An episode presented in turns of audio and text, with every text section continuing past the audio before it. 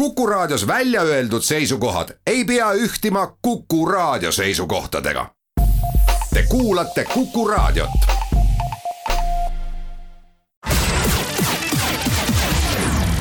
nädala Tegija. nädala Tegija saab kõik puiduviimistlusvahendid Osmost. ja tere nüüd ka Nädala Tegija stuudiost. sellel nädalal valis Riigikogu uueks esimeheks Jüri Ratase ja siinkohal ütlengi, Jüri Ratas, tere tulemast Nädala Tegija saatesse. tere tulemast, head Kuku raadio kuulajad ja aitäh kutsumast. saatejuht on Ulla Lents. no ma saan aru, Jüri Ratas, et kõige rohkem küsitud küsimus pärast seda, kui te Riigikogu esimeheks saite, on see, et kas Euroopa Liidu lipud tulevad nüüd Toompea lossi tagasi, et on nad juba paigas? Ei ole paigas, sellepärast et mul oli see soov juba eile, aga tuleb välja ja tõesti mulle ka meenus, et see oli toona juhatus, siis toonane Riigikogu juhatus ei leidnud konsensust, siis ta läks suurde saali, suur saal selliselt hääletas ja nüüd siis tuleb uuesti juhatuses konsensust otsida, kui seda ei tule, noh, võib arvata, et seda ei tule, siis tuleb see jälle suurde saali viia, aga ma tahan selle lippude kohta nii palju öelda, et ma arvan, see ei ole nüüd kõige olulisem teema, aga loomulikult on märgiline teema. mina olen väga ja nii ma usun, et kõik Kuku raadio kuulajad ütlevad seda, et, et meil on maailma kõige armsam ja kaunim lipp, sinimustvalge, see nii on aga me kuulume ka Euroopa Liitu ja ma ei näe mingit põhjust, miks me seda kuidagi peaksime häbenema või ütlema, et las see olla kuskil, ma ei tea, esimesel korrusel või viimasel korrusel. et ma arvan, et see on väga soliidne, et meil on mõlemad lipud seal nii sinimustvalge, meie jaoks kõige olulisem mis on meie südames ja, ja kindlasti ka Euroopa Liidu lipp ja seda ei pea pelgama, Euroopa Liidu periood, kus Eesti on olnud, on meile andnud, ma arvan, väga palju kindlust, ka julgeolekualast kindlust. kindlasti ta on andnud palju majandusvõimekust, ta on andnud inimestele võimalust vabalt reisida, õppida, nii et eh, ma ei näe küll põhjust, miks eh, nüüd nendesse lippudesse tuleb kinni jääda ja see on olnud ka tegelikult enamus ajast, et seal on olnud nii Euroopa Liidu kui Eesti lipp te eeldate, et konsensust juhatuses ei tule, et äh, Martin ilmse, Martin Helme ilmselt ei toeta seda? no me peame seda järgmine nädal arutama, et ma arvan küll, et äh, ju, ju see nii läheb ja eks siis tuleb see asi täiskogus äh, ära hääletada ja teha nii, nagu Riigikogu täiskogu tunnetab, ma väga loodan, et, et see nüüd ei ole tõesti niisugune A ja O küsimus, aga, aga jah, seda on tõesti küsitud kõige rohkem ja, ja mul vastus on olnud see, et ma pean seda küll oluliseks riigikogu edasisest tööst rääkides, teile pannakse väga suuri panuseid ses osas, et äh, loodetakse, et Riigikogu töökultuur muutub nüüd paremaks. mida ma silmas pean, noh, sellist äh, vastasseisu, kus korraldab opositsioon ööistungeid, no seda on ikka tehtud, sest et opositsioon peab saama ennast kuidagi näidata aga tuleb tunnistada, et see, mis nüüd enne valitsuse vahetust toimus, see, kus äh, komisjoni istungi veebi viimise ainus mõte on see, et kõik ei saaks nii palju rääkida, kui nad tahavad ja et komisjoni liikmed ei saa kohapeal olla, et sellest keeldutakse. no ma arvan, et see on siiski äärmuslik, et see ei tohiks nagu küll kestma jääda jah, et ma, ma seda olen äh, kindlasti seda meelt, et opositsioonil peavad olema omad tööriistad, nagu ka teie ütlete, et äh, ja need on olnud kodu- ja töökorras, äh, tegelikult see tööriist töötab kõige rohkem siis lihtsalt raadiokuulajale teisel lugemisel, kui enne seda saab teha muudatusettepanekuid ja siis see tööriist on see, et neid muudatusettepanekuid hakatakse läbi hääletama koos vaheaja võtmisega, milleks on maksimaalne aeg kümme minutit. ja ma arvan, et igal juhul see võimalus peab opositsioonile jääma ja ma ei toeta toeta kindlasti seda kodu- ja töökorras selle väljakirjutamist. küll aga ma arvan, et mis on Riigikogu esimehe, Riigikogu juhatuse ka väga suur roll mitte ainult seda täiskogu istungit juhatada, vaid leida ka selliseid noh, ütleme kompromisslahendusi siis Riigikogu töökultuuri osas. ja, ja seda peab tegelikult Riigikogu esimees ja Riigikogu juhatus tagama, midagi ei ole teha, see on nende roll, et inimene, kes kandideerib juhatusse, peab ta ka saama sellest aru, et ta peab tõusma selles mõttes, ta peab juhtima Riigikogu alati neutraalselt, kui sa oled ka seal Riigikogu esimehe toolil ja juhatad istungit istungit, siis ei, ei tohi minu meelest kunagi lähtuda sellest, et sa teed kuidagi soodsamaid, ma ei tea, seal ütleme tehnilisi, protseduurilisi otsuseid oma erakonnale või koalitsioonile, et siis sa enam õhtul ei juhata seda Riigikogu istungit. nii lihtne see ongi, et, et see on olnud minu põhimõte ka, ka aseesimehena see ikka vanasti oli ju ka niimoodi, et, et te oskate oma kogemustest öelda, et kui te olite aseesimees, no üldiselt ei ole ikka Riigikogu esimees viimased kaks aastat välja arvatud juhtinud seda Riigikogu ainult oma erakonna positsioonilt ma ütlen nii, et meil on Riigikogu esimehi olnud taasiseseisvunud Eestis ju tegelikult vähe, et, et kõik on kindlasti äh, kõige pikema staažiga Ene Ergma ja Toomas Savi, aga, aga ka Ülo Nugis, Eiki Nestor, Toomas Varek, Henn Põlluaas, ma usun, et et noh, kõik on andnud nii palju ja, ja endast parima, mis nad on osanud. Ja, ja mõnes mõttes see Riigikogu esimehe institutsioon või positsioon, see on see on nagu, ma eile ütlesin, et see on nagu niisugune tühi raamat, mida sa pead ise kirjutama hakkama, et, et sa pead ise ka tegelikult väga palju seda sisustama, et ma olen öelnud välja intervjuudes, et loomulikult siia ette käivad, Riigikogu on konservatiivne, ta selleks kindlasti ka jääb, siia ette käivad traditsioonid, missugune on praktika, aga ma arvan, et Riigikogu esimees vähemalt mina soovin olla aktiivne ka mitte ainult seal siis istungisaalis või, või Toompea lossis, vaid just ka aktiivne Eestis ringi käies, ma arvan, et see on oluline, et Eesti inimeste muresid ja, ja rõõme kuulata, aga Riigikogu esimehel on veel üks oluline positsioon ja see on ka meie välissuhtlus. nüüd äh, ma arvan, et neid kaevikuid, kui tohib nii öelda, et igal juhul tuleks kinni ajada, ma ei tea, kas me suudame neid täitsa tasandada, aga kinni, kinni ja, ja ütleme siis eh, nii seda sügavust tuleks kaotama hakata, äärmust tuleks kaotama hakata ja ma pean seda oluliseks, samas me peame arvestama, et, et kõrgem võim, eh, kelleks on inim-, eh, Eesti, Eesti elanikud, põhiseadus ütleb, et Eesti on parlamentaarne riik ja parlament on tegelikult see koht, Riigikogu on see koht, kus peavadki toimuma poliitilised debatid, kus üks erakond ütleb, ütleb ühe nurga alt, teine ütleb teise nurga alt, kolmas ütleb kolmanda nurga alt. Ja seda kuidagi ei tohi nagu pärssida või seda kuidagi ei tohi takistada. aga ma tahan veel kord öelda, et ja loomulikult ka on obstruktsioon, nagu te ütlete, seda on alati tehtud, äh, seda on teinud ka Keskerakond opositsioonis, aga need on olnud kas üks öö, kas ma ei tea, kaks ööd, aga seda ei ole olnud tõesti niisugused protseduurilised massilised küsimused, mida on hetkel, et ma arvan, et see ei anna tegelikult kellelegi midagi, ka nendele küsijatele ei anna midagi. Ja ta saab seda Riigikogu istungit pikendada sellega, aga ma ei näe mingit võitu siin mitte, mitte ühelegi poolele. no nüüd on olukord äh, koroona rindel meil selline, et ka Riigikogu töötab ja mitmedki liikmed töötavad distantsilt. selge on see, et parem on, kui te oleksite kõik seal saalis, üheks eelduseks on vaktsineerimine, ma saan aru, et eile juba üks ports Riigikogu liikmeid vaktsineeriti, kas te ise olete vaktsineeritud? ei, mina ei ole vaktsineeritud veel, et minul ei olnud seda võimalust eile, et äh, see oli täpselt, et see info tuli äh, päris kiiresti ja see on hea, et see üldse tuli ja siis äh, need, kes olid ennast andnud,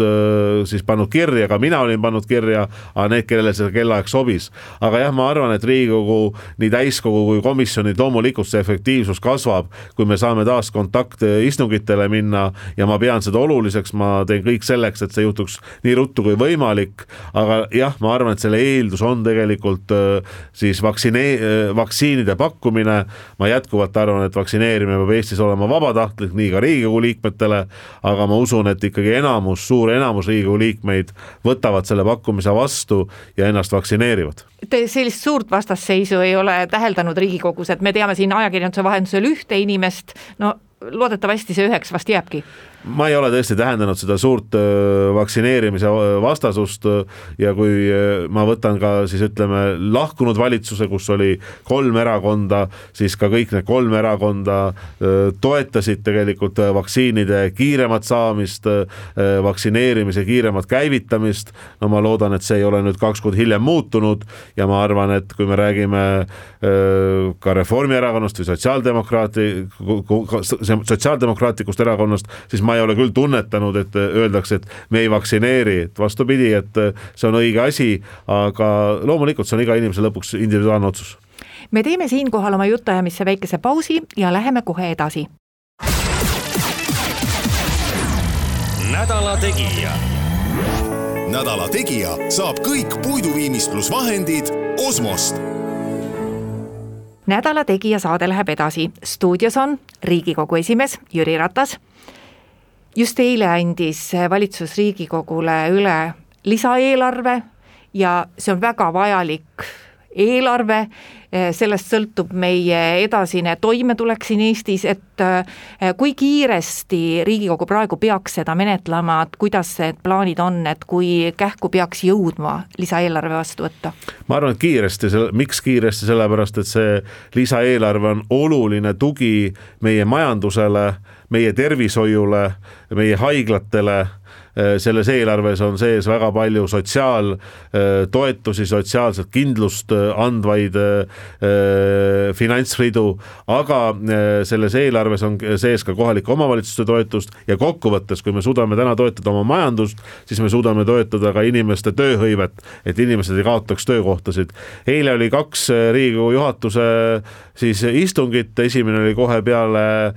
ütleme valimisi ja see oligi meie esimene otsus, et kohe määrata ära juhtivkomisjon äh, lisaeelarvele, mis on rahanduskomisjon ja peale seda pool kolm toimus siis järgmine, kus me kinnitasime järgmise nädala päevakorra. nii et mul on väga hea meel, et lisaeelarve esimene lugemine on juba järgmisel kolmapäeval, see on kahekümne neljandal märtsil ja siis tuleb Riigikogu vaba nädal, siis on, ma arvan, piisavalt aega muudatusettepanekuteks, piisavalt aega Riigikogu liikmetel eelarvega tegeleda ja ma väga loodan, et me suudame töötada selles rütmis, et hiljemalt kaheksandal aprillil me suudame lisaeelarve vastu võtta, selge on see, et see tähendab ka siis teatud rakendamist ka ministeeriumite poolt veel, aga nagu ma ütlesin, minu meelest väga oluline on, et finantsvahendid kiiresti jõuaksid tervishoidu, haiglatesse, majandusse ja inimeste tööhõivesse, et inimestel oleks tööd. endise valitsusjuhina, kui hästi tehtud lisaeelarve see on, arvestades tänaseid vajadusi?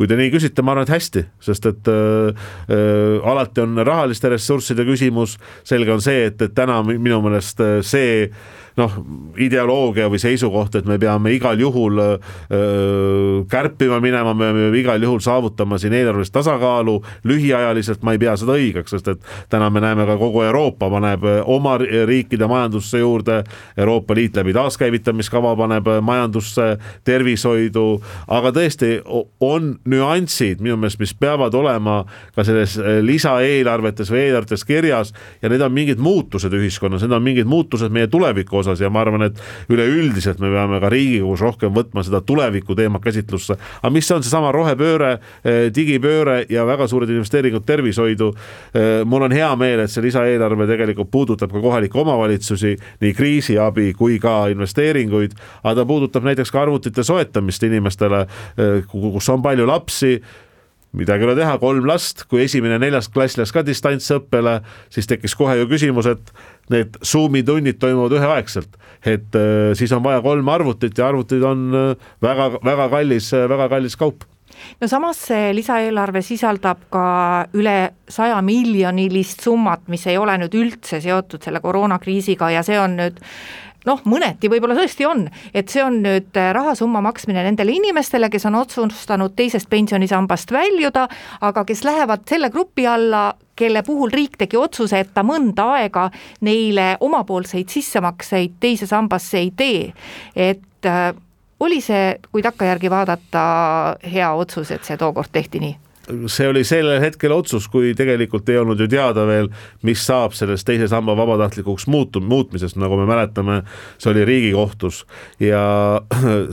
eelmises kriisis oli samuti, et peatati need sissemaksed teise sambasse, mis oli selle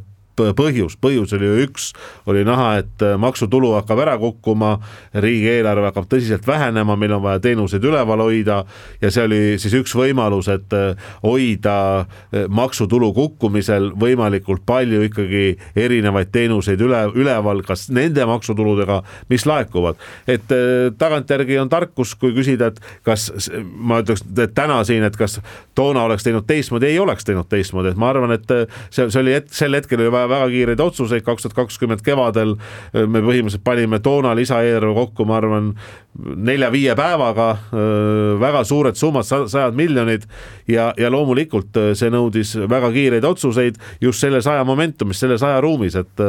et me ei saa ju võtta seda tarkust täna ja viia tagasi, nii et, nii et ma arvan, et see, see, see oli toona vajalik otsus praegu on Riigikogu küll seisus, kus enne juhatuse valimisi on tehtud kõik korrektuurid äh, vaat sellesse, mis äh, või mille tõi endaga kaasa uus koalitsioon. ehk siis komisjoni juhid on ju vahetunud juba vastavalt kokkulepetele, kas Riigikogus on veel vaja teha mingisugust sellist revisjoni, et näiteks on jäänud kusagilt mingisugused seaduseelnõud, mis tänase koalitsiooniga pooleli menetlemisse siis tänase koalitsiooni põhimõtetega kokku ei lähe ja mida siis tuleks siis äh, kas tagasi võtta või, või kuidagi teisiti nendega tegeleda, et et kas see revisjon on tehtud? see, see revisjon kindlasti on tehtud, selge on see, et nagu poliitikas ikka, on, on ka eriarvamusi, meil on täna eelnõusid sees, mis on, ütleme siis äh, toonase opositsiooni poolt algatatud, mis täna on tegelikult veel menetluses sees, eks neile tuleb uuesti poliitilises äh, situatsioonis dünaamiliselt peale vaadata ja need otsused teha, aga, aga üldjoontes tänane koalitsioon on ikkagi äh, hakanud minu meelest tempokalt tööle ja selge on see, et, et on teatud asjad, millega tänane koalitsioon ei saa edasi minna, mis toona alustati opositsiooni poolt, aga ka teistpidi, nii et see on üsna tavapoliitikas, et kui tekivad uued koalitsioonid, siis vaadatakse ka tõesti menetluses olevat seaduseelnõud üle. kas on vaja seadusandluses midagi veel muuta selleks, et seda koroonakriisi paremini juhtida, et tegelikult ju juba teie, teie valitsuse ajal juba tehti terve hulk otsuseid ära selles suunas, et ma saan aru, praegu kõik ütlevad väga kõva häälega, et seda eriolukorda ei ole vaja, et seda koroonakriisi saab juhtida ilma selleta ka, aga kas seadusandluse baasil on veel vaja midagi teha? jah, kindlasti on vaja, et näiteks kaks konkreetset, mul oli täna hommikul äh, Äh, infotelefon üks, kaks, neli, seitse, mis hakkas tööle siis kuueteistkümnendast märtsist kaks tuhat kakskümmend, et nüüd nad on äh, riigi infotelefon, et nüüd on natukene rohkem kui aasta töötanud, aasta ja kolm päeva. et konkreetselt on seal äh, paar seadusemuudatust, mis on, vajab, vajab lahendamist, üks on see, et, et kuidas sellise riigi infotelefoni kulud, kes need kulud katab, teine on näiteks see, et kui inimesed lähevad sinna vabatahtlikult tööle ja meil ei ole eriolukord siis täna saab seda teha ainult nii, et teatud amet siis tellib selle, ma ei tea, näiteks Terviseamet või mingitel juhtudel Politsei- ja Päästeamet äh, või Politsei- ja Piirivalveamet või Päästeamet, aga, aga seal on vaja teatud muudatus teha, et see oleks palju sellisem, ütleme, paindlikum ja operatiivsem ja siis häirekeskus ise saaks äh, seda vabatahtlike, äh, vabatahtlike osa siis koolitada, rakendada, kui on vaja erinevateks ülesanneteks, nii et teatud muudatusi on kindlasti vaja teha. ma arvan, et muudatus on vaja ka läbi tõsiselt mõelda Riigikogus, me oleme oleme Riigikogus tegelikult päris ütleme innovatiivsed, täna on näiteks Riigikogus, seda ei ole palju räägitud, aga siin juba mõned kuud töötab tegelikult tehisintellekt, kes stenografeerib kogu Riigikogu istungit, mis on väga suur samm edasi. noh, järgmine samm oleks, et see jõuaks ka komisjonidesse see töökorraldus, aga kui küsida nii, mida veel muuta, kui meil on täna näiteks Covid üheksateist positiivne ja on vaja osaleda hääletusel, nii nagu oli, ütleme seesama eh, siis Riigikogu juhatuse valimised, siis see on päris keeruline ja seal on päris palju sellist pro, noh pro,, probleeme, kuidas seda siis teha. et inimene ei saa kodus täna hääletada, isegi ei saa kastiga hääletada, ta peaks sõitma siis Riigikogu hoovi. noh, Covid üheksateist positiivne peaks, peab olema, mitte peaks, vaid peab olema kodus nii et noh, selliseid asju ma arvan, et me vajame veel selliseid digitaalseid lahendusi, et noh, selliste nüansside juurde me ei takerdu. me teeme siinkohal oma jutuajamisse natuke pikema pausi, kuulame ära Kuku raadio poolesed uudised ja siis räägime Jüri Ratasega edasi. nädala Tegija. nädala Tegija saab kõik puiduviimistlusvahendid Osmost nädala Tegija saade läheb edasi stuudios on Riigikogu esimees Jüri Ratas riigikogu poole pealt veel, et äh, kui aasta tagasi see koroona meile väga jõuliselt peale tuli, riigis hakkas kehtima eriolukord, vot siis ühel hetkel tundus küll nii, et noh, et kõik otsad on valitsuse käes ja rahvasaadikuid nagu üldse ei kuulnud. Ja noh, ilmselt ega kõik ehmusid ära ja tollel ajal oligi väga kiirete otsuste tegemise aeg, te ise toonase valitsusjuhina ju teate seda, et et mõtlemiseks ei olnud aega ja täna pole isegi mõtet noh, mõelda, et kas keegi tegi midagi õieti või valesti, sest maailmas ei osanud mitte keegi võtta tol hetkel ilmselt neid kõige õigemaid otsuseid, tehti lihtsalt nii, nagu arvati, et on õige. aga ikkagi nüüd me oleme juba selles kriisis harjunud elama, et et kui tähtis on see, et ükskõik mis keerulises olukorras parlament rahvaesindajana ei annaks seda juhtotsa päriselt valitsusele. et jah, valitsus teeb operatiivjuhtimise otsused, aga parlament, parlamendi kontroll peab igal pool peal olema ma arvan, et seda ütleb meie põhiseadus, et nagu ma ka eelnevalt ütlesin, et Eesti on parlamentaarne riik ja sellest äh, me peame kõik lähtuma, et ja ma arvan, see on väga õige, et Eesti on parlamentaarne riik ja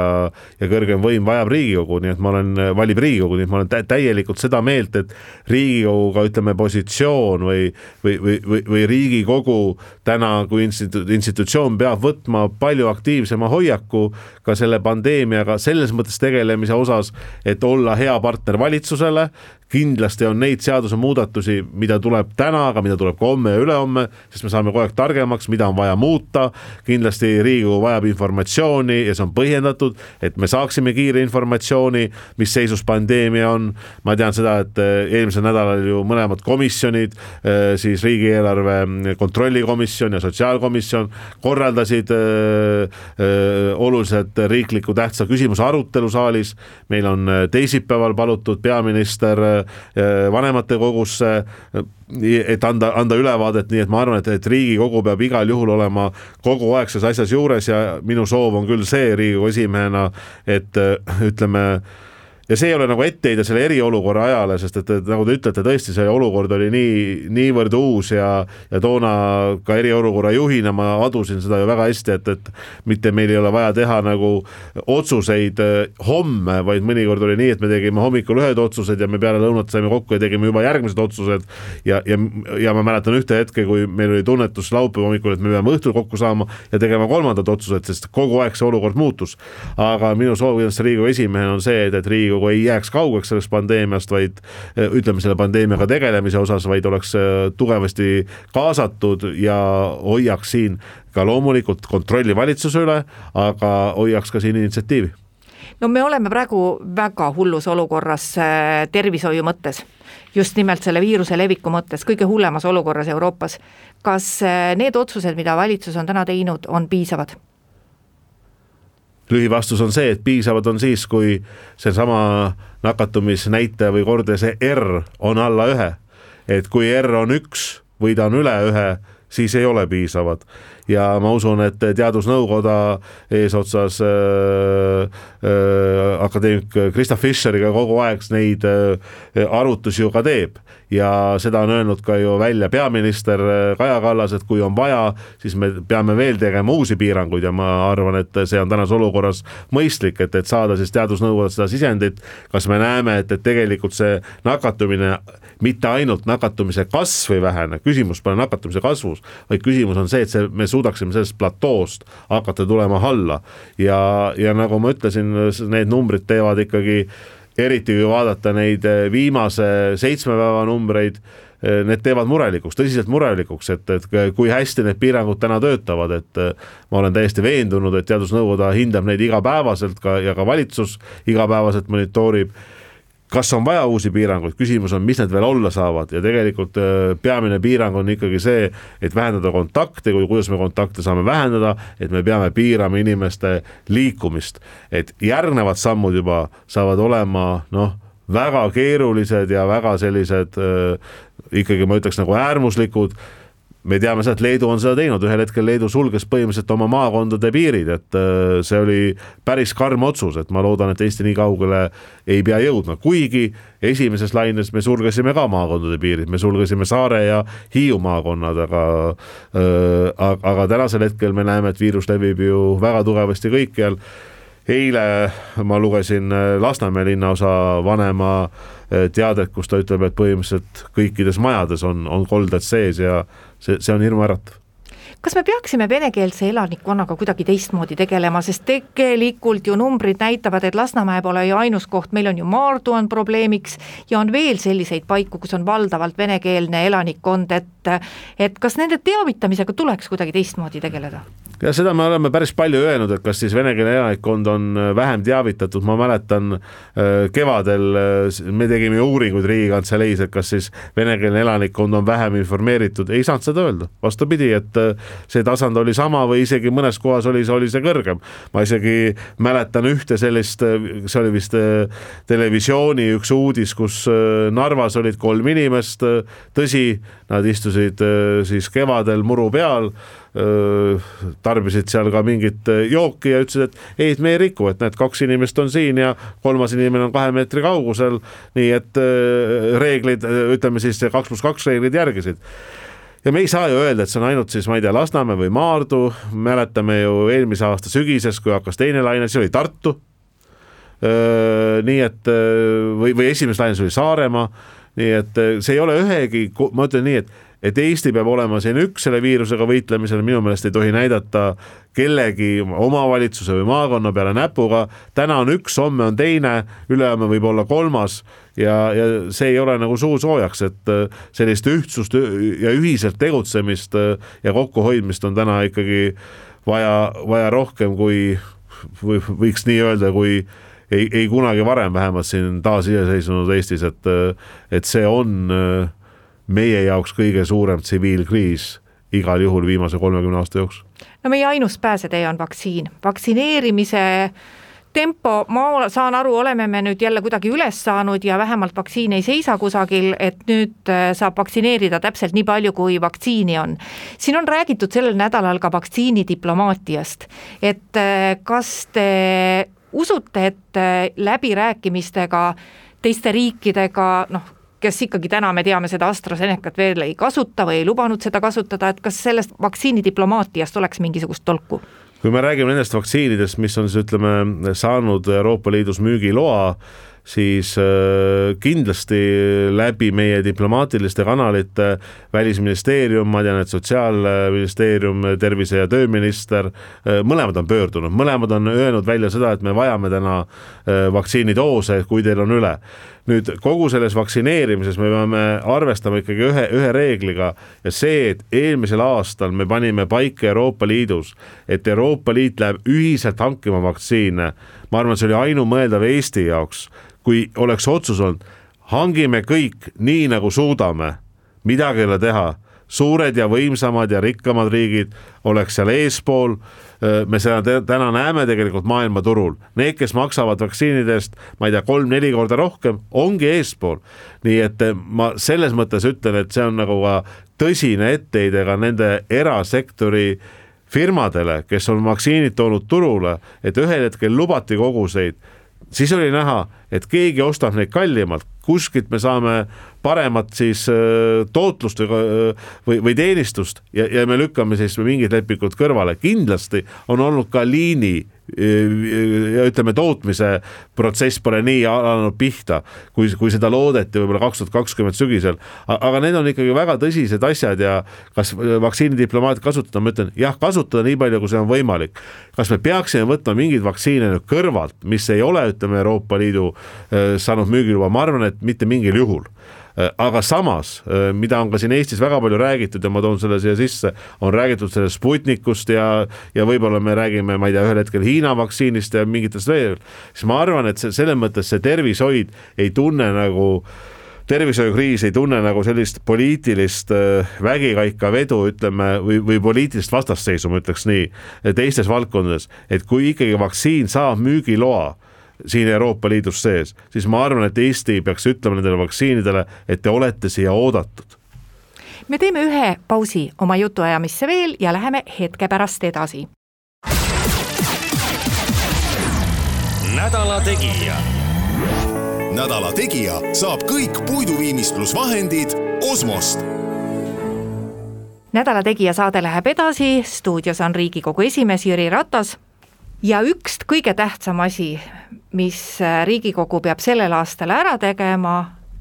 või peaks vähemalt ära tegema, on see, et Riigikogu peaks valima Eestile presidendi. et äh, ma ei hakka, Jüri Ratas, teie käest küsima, kas te kandideerite presidendiks, sest te olete juba ühes intervjuus öelnud, et teie erakond teeb oma presidendi teatavaks maikuus. nii et sel-, seda küsimust ma ei esita, aga Riigikogu esimehena ma eeldan, et te teete kõik võimalikku, et just nimelt Riigikogu oleks see, kes suudaks presidendi ära valida, et kas seda potentsiaali on, kas seda võimalust üldse näete? See on seadusest tulenevalt Riigikogu ülesanne põhiseadusest. Jah äh,, annab ka võimaluse, kui Riigikogu seda ei vali, et see läheb valijameeste kogusse, aga ma arvan, et see on äh, oluline, et me pingutame kõik Riigikogus selle nimel, et äh, valida Eestile väärikas naine või mees, tubli president järgmiseks ametiajaks kas seda potentsiaali või võimalust on, ma arvan, et on küll. küsimus on selles, et kes on see persoon, et, et igal juhul ma arvan, et ta peab olema selline väga tugev ühiskonna ikkagi ühendaja ja mitte ainult see kriis, aga ka väga paljud muud nüansid on minu meelest Eesti ühiskonda liiga laiali pildunud ja seda tuleb ausalt öelda, et see on täna meie mure. et äh, meil on vähem märkamist ja võib-olla rohkem sellist äh, ärapanemist, mis on halb. meil on vähem võib-olla aitamist ja rohkem siis kellelegi jala taga, taha panemist. et neid asju tuleks igal juhul nagu muuta äh, ühiskonnas tervikuna, ma täiesti mõistan, et ka see kriis on väga suure löögi andnud nii vaimsele kui füüsilisele äh, tervisele, aga president peaks tõesti olema see, kes heas mõttes paneb selle Eesti kokku, ütleb, et mina olen see, kes viib seda Eestit edasi, ma arvan, potentsiaal on need kuuskümmend kaheksa häält leida, aga küsimus on selles, et tõesti, kes siis see, see väärikas kandidaat on ja selle nimel peab Riigikogu tööd tegema kas see ühiskandidaat tuleks leida enne veel, kui iga erakond oma kandidaadiga välja tuleb, sest et elu on näidanud, et pärast seda, kui on erakondade poolt öeldud välja nende presidendi eelistused, pärast seda on erakondadel väga raske oma inimestest loobuda. et, et ainus võimalus oleks tõenäoliselt see, kui seda kandidaati hakatakse otsima, vähemalt nende poolt, kes on võimelised koostööd tegema, hakatakse otsima koos, aga ma ei tea, kas poliitikas selline selline asi üldse võimalik on? no kindlasti ta on teo-, teoreetiliselt võimalik, kas ta praktikas äh, me suudame selle realiseerida, Riigikogu on valinud presidenti, et meil on, on neid näiteid, aga aga pigem ta on tulnud siis ringi, kui me võtame eelmise korra, tuli ringina, ringina tagasi, on öeldud, et näete, et viis, viis kandidaati tegid terve suve tööd, rääkisid oma põhimõtteid, keegi ei saanud valituks ja siis, siis tekkis kandidaat, kes ütleme sel hetkel ennast või noh, ta, ta, see ei ole temale etteheide, aga siis Riigikogu pidi valima kellegi, kes siis sobib ja, ja kes leiab Riigikogu toetuse ja Kersti Kaljulaid leidis Riigikogu toetuse. et kas, kas see on, kas see on võimalik, et tulla sellise ühiskandidaadina välja no ma arvan, et me peame arvestama ka, et sellel sügisel toimuvad kohalikud valimised, mis samuti on poliitiliselt väga oluline, oluline päev ja kõik erakonnad ju pingutavad, et teha võimalikult hea tulemus. nii et eh, midagi ei ole teha, aga need kaks valimist lähevad tegelikult natukene, eh, natukene ristuvad ja, ja, ja natukene ütleme siis segunevad, ma mõtlen nii presidendivalimised kui kohalikud valimised. aga mm, kas kas on see võimalik, et tullakse ainult ühe kandidaadiga, kandidaadiga välja, ma arvan, et seda on nagu palju loota. aga see, et, et püüda leida siis ikkagi Riigikogu ütleme hääletamiste käigus see inimene, kes suudaks, suudaks toetuda siis minimaalselt kuuekümne kaheksale häälele, et selle osas ma arvan, et tasub pingutada ja, ja mina küll usun, et seda potentsiaali võiks täna Riigikogus olla. mis on need teemad, mis tuleks, mida teie näiteks sooviksite, et vaieldaks selgeks kohalike omavalitsuste valimiste ajal, jah, muidugi igal paikkonnal on omad teemad, aga kahtlemata meil on äh, olemas ka väga üldised teemad, kuidas kohapealset elu korraldada, sest selge on see, et koroonakriis natukene meie elukorraldust muudab, võimalik, et hoopis rohkem inimesi hakkab tegema kaugtööd, ehk siis need, kelle unistus on äh, mitte elada Tallinnas aga nad tahavad säilitada seda töökohta, kui neil tekib võimalus, nad lähevad elama Lõuna-Eestisse kusagile, töötavad sealt. Ja see tähendab ju, et eh, kohalik omavalitsus saab ju juurde ka kohustusi, et neile teenuseid osutada, et me oleme ju korra näinud, mis juhtus, kui väljapoole Tallinnat, Tallinnat ümbritsevatesse valdadesse koliti, maksumaksjaid tuli juurde, aga esimese hooga ei olnud ei kooli ega lasteaiakohti. et mis teie vaates on need üleüldised teemad, mis, mida teie tahaksite näiteks, et noh, et me saaksime sel teemal arutleda? Ma arvan, see põhiteema on tegelikult seesama elanikkond ja see on see, et kas äh, me suudame kuidagi tagada seda, et äh, kui me jätame kaks suurt, ütleme omavalitsust Tallinn-Tartu ja võib-olla mõne kuldse ringi valla kõrvale, ehk mida me ikkagi Eesti, Eestis siis peame tegema, et me suudame tagada seda, et, et rahvas ei tuleks ära, ma ei tea, maapiirkondadest, äärealadest, ühelt poolt me võime öelda, et tõstame käed üles ja me ei saa midagi teha, ma arvan, see nii ei ole. tegelikult ma arvan, see koroona äh, pandeemia ja, ja see viirus on andnud tõesti selle, et inimesed on näinud võimalusi minna kas siis oma maakoju või minna, minna täiesti maale elama ja teebki kaugtööd ja ma arvan, see on selles mõttes positiivne, et ma arvan, see kaugtöö on tulnud, et jääda selles mõttes. et, et seda elu, et, et me nüüd saame täiesti tagasi elu, kus kaugtöö lõpeb ära, kus need Zoomi koosolekud, ma arvan, seda ei tule enam täielikult tagasi, see ei peagi tulema, sest et ma arvan, et inimesed näevadki, et saame distantsilt mingeid asju ajada ja, ja see on positiivne. nüüd teemad, mis on, ma ütlengi, et see on küsimus selles, et kuidas oma elanikkonda hoida ja mille osas täna käib kõva ju andmine omavalitsuste vahel, on, on seesama tegelikult see maksumaksja, on tulubaasi küsimus. et ma arvan, et me, see on küll teema, mida tuleks tegelikult arutada enne kohalike omavalitsuste valimisi, et kuidas me selle tulubaasi siis, siis lahendame, on olnud ju mõtteid, et ta tuleks lahendada, et mitte ainult läbi oma elukoha, vaid elu ja töökoha, neid mõtteid on väga erinevaid olnud. minu meelest see on väga oluline diskussiooni koht, teine diskussiooni koht on loomulikult haridus et, et kui, kui lähedal on haridusasutused äh, minu kodukohale, alates lasteaiast, ma ütleks alates ka esimesest äh, neljast või kuuest klassist. Et jah, sealt edasi selge on see, et hariduse äh, siis ütleme, õlg kaugeneb, seda me näeme täna.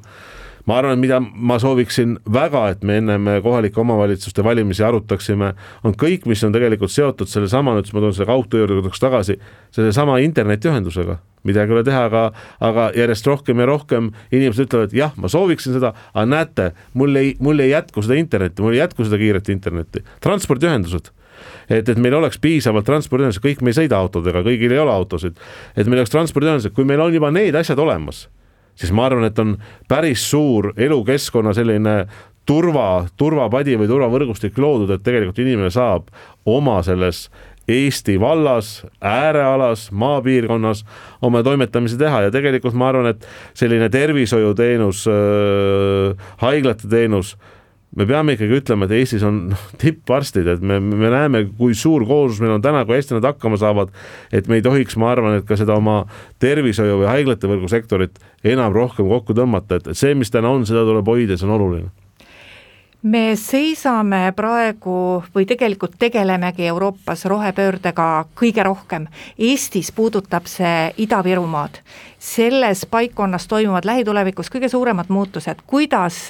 kaitsta kohalike valimiste kontekstis Ida-Virumaa inimesi valeuudiste eest. ma olen peaaegu kindel, et seal hakkab toimuma ka selline valimiskampaania, et kui te hääletate meie poolt, siis äh, mingisuguseid muutusi ei toimu, et siis äh, kogu energeetika hakkab toimima või noh, toimib samamoodi edasi kui siiamaani